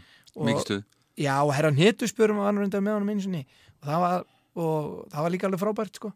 þannig að ég myndi segja sko, MC Gaut er mér finnst hann gera þetta vel. Já. og mér finnst þetta alveg ótrúlega flott hvernig hann gerir þetta einhvern veginn, ég, svo nýja læðins núna bara hann alveg upp á Malbyggi sko, mér finnst þetta bara nokkuð gott sko. Malbygg, Gauti.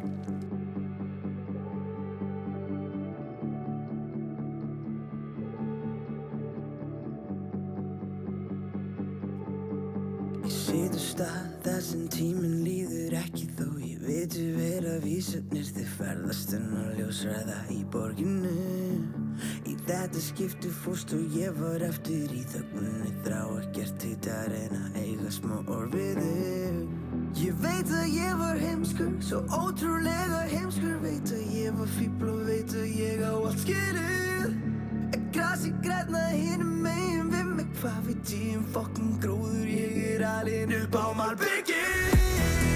Ég hleyp og hleyp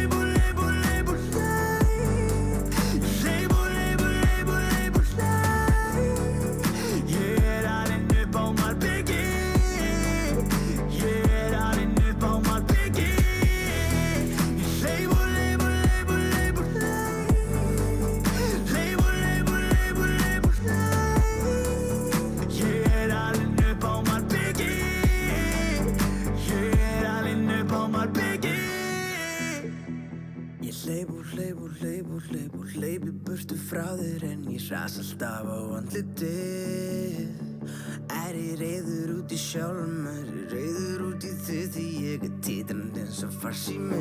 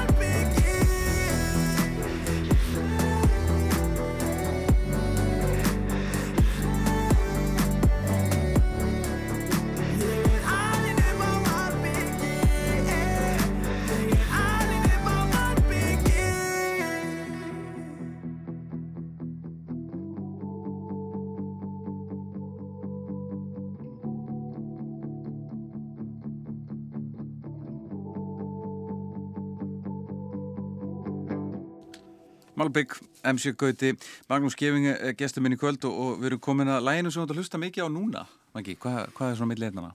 Já, þetta er hérna, það er eiginlega, má segja það að ég sé sko að ég er að hlusta svona alls konar tónlist að ég er að, er að gera svona sjónastætti og er að spá í svona fullorðinsdrama og er að spá í svona tónin og er að spekla í alls konar málum. Mér alltaf finnist sko, mér finnst mínu skemmtilegt band, Já. Svona, tengis mér aðeins smá. Og það er sko fóstur, dóttir mín, hún er sko pappina var í mínus. Og og er bara einn besti gítarleikar landsins. Bjarni? Já, bara Það finnst mér hann. bara einn langt besti gítarleikar og, og svo eru krummi og þeir hafa þeir að gera eitthvað svona nýtt stoff Já. saman. Og krummi er að gefa út okkur á plötur og það var lag sko, þeir gáður reyndur út annað nýlera lag núna sem er eitthvað svona gammalt lag sem Björgun Haldarsson söng. En það er Björgun Halldórs algjörð legend líka sko. En þá ætla ég samt að tala um hitlagið af því það er eiginlega þú veist, uh, story to tell Mhm. sem mér finnst vera ég, ég skor alltaf hlusta bara á sko gítarinn í svo leið það er alveg ótrúlega flott sko. Og þannig að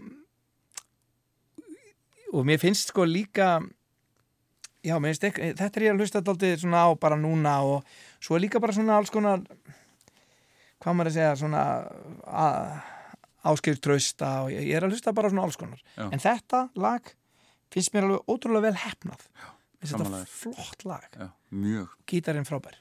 Stories to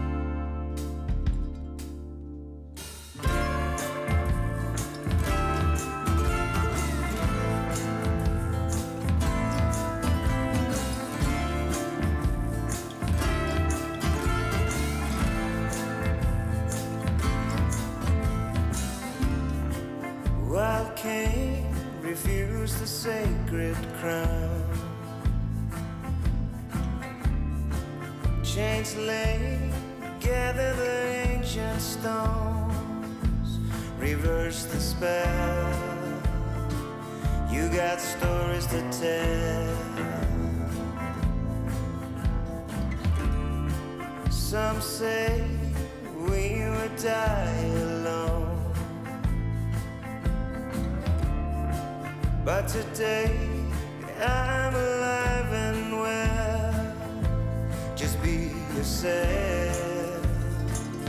You will live to tell. Water is life and life's a drug.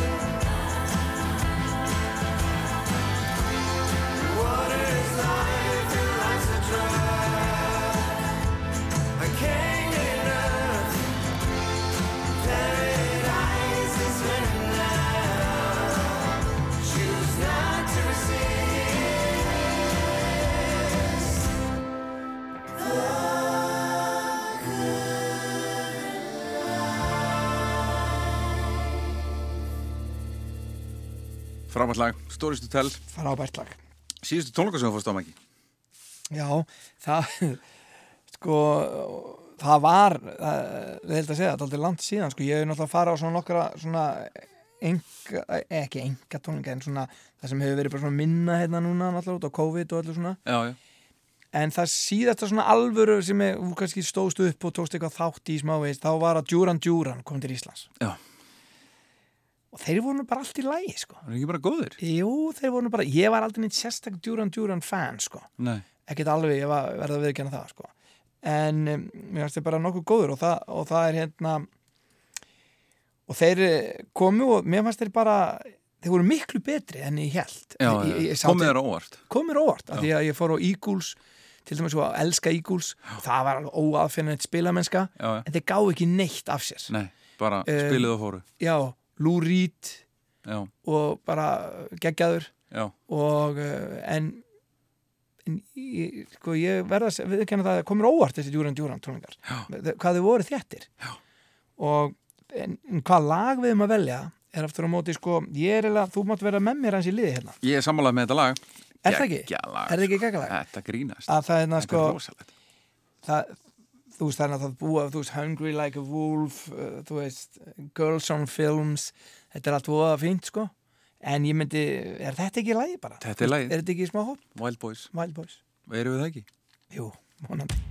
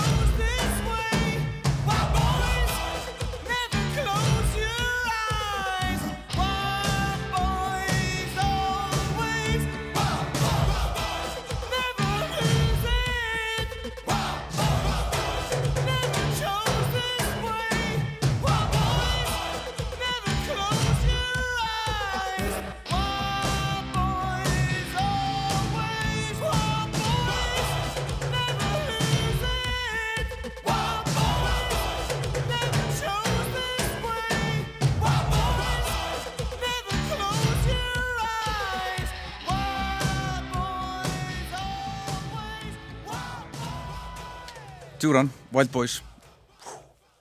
Frábært lag ég sko ég get ekki hlustað á djúran djúran opbóðslega mikið, aftur Nei. og aftur og aftur En núna. svona lag og lag. En æðislegt á þessum tímabíl og lag og lag geðveikt. Já. En ef ég, var, var alla plötuna aftur og aftur þá væri ég svona, ah, ég er smá leiður á þessu. En, að ég flögu hugan á hérna, eitt, eitt, eitt, ein hljóseit sem er Jeff Hu. Já, Mér finnst þetta eiginlega eitt best hefnaða lagið uh, Barfly já, og svo Trabant. já Nasty Boy Já, ég meina, þú veist, þessi, sko, þessi tvö lög er bara, ég verða að nefna þau, sko. Já, Þetta, þetta færi bara í partí mjög framalega, sko. Já, Bara virkilega og, og reggi er náttúrulega bara er þetta grínast í mig, sko. Algjör, En- ef ekki bara hlusta á Nasty Boy og fara svo í síðasta leið Er það? Já, ég til það Þetta er bara ógeðslega gott, sko.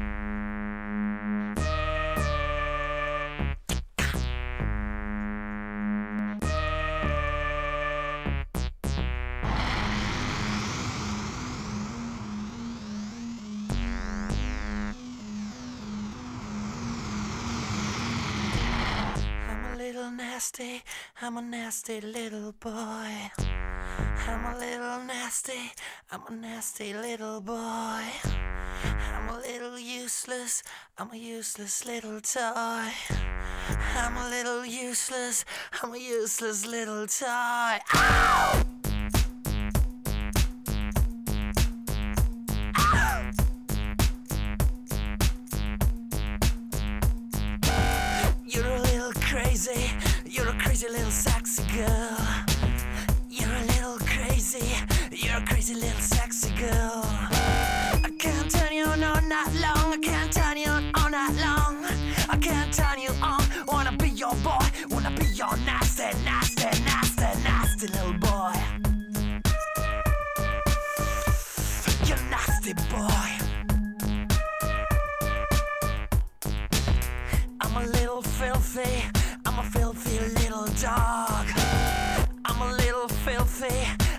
off, little honey dog.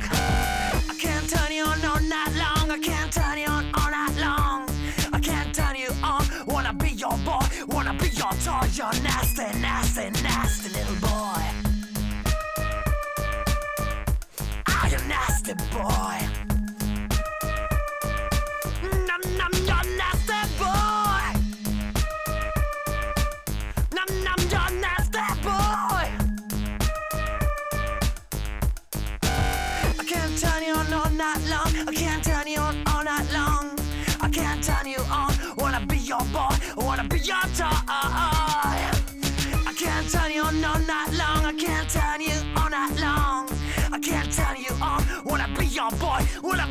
Your. You nasty, nasty, nasty boy.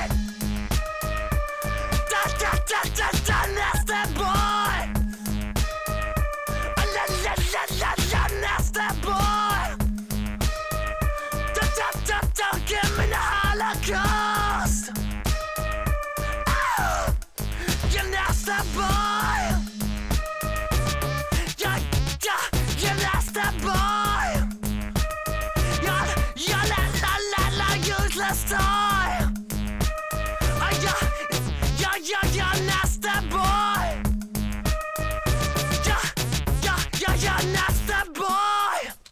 Næsti bói, Trabant, frábært lag. Herðu, Magnús Gefn, við erum konar að lokum. Já. Takk kærlega fyrir að- vera gestur minn, hafa heiður. Já, Mjög takk- gaman að fá þig. takk fyrir, Skemmtileg spjall, frábær Já. músík. Já, vonandi, eins og ég segi, ég er svona lúu pappari. Konaðin ekki. Já, hún segir það. Já, hvorki ég enni þú segir það. Nei, ok. En það má gangast við þig, þú vilt, sko. Já, ég veit ekki, ég allan að, ég beði afsökunar á að þetta hafi kannski ekki verið nóg djúft eða eitthvað, en ég, þetta, svona kemur þetta bara á kunni. Þetta er bara mjög gott. Góða sögur, góð músík. Já, ok. Halda vorum að hlusta á músík. Já. Er það ekki? Jú. Síðasta lagi er bara síðasta lagi. Já, sko, þetta er, þú spurði mig hva- hvað það var í jarðaförunum minni? Já. Að hérna, þú veist, sumir eru með, þú veist, I did it my way eða eitthvað svona, sko. Þe- Þetta lag hefur snert mig alveg ótrúlega mikið og, og þetta er ekki lag sem þú getur spilað á svona laugadegi, sko.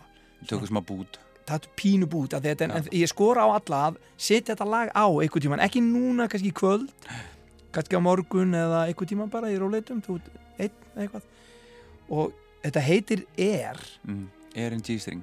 Já, Air in G-string eftir Bach. Og er bara eitt fallega sko, þú, þetta, er alveg ótrúlega fallega lag. Þetta er bara klassík.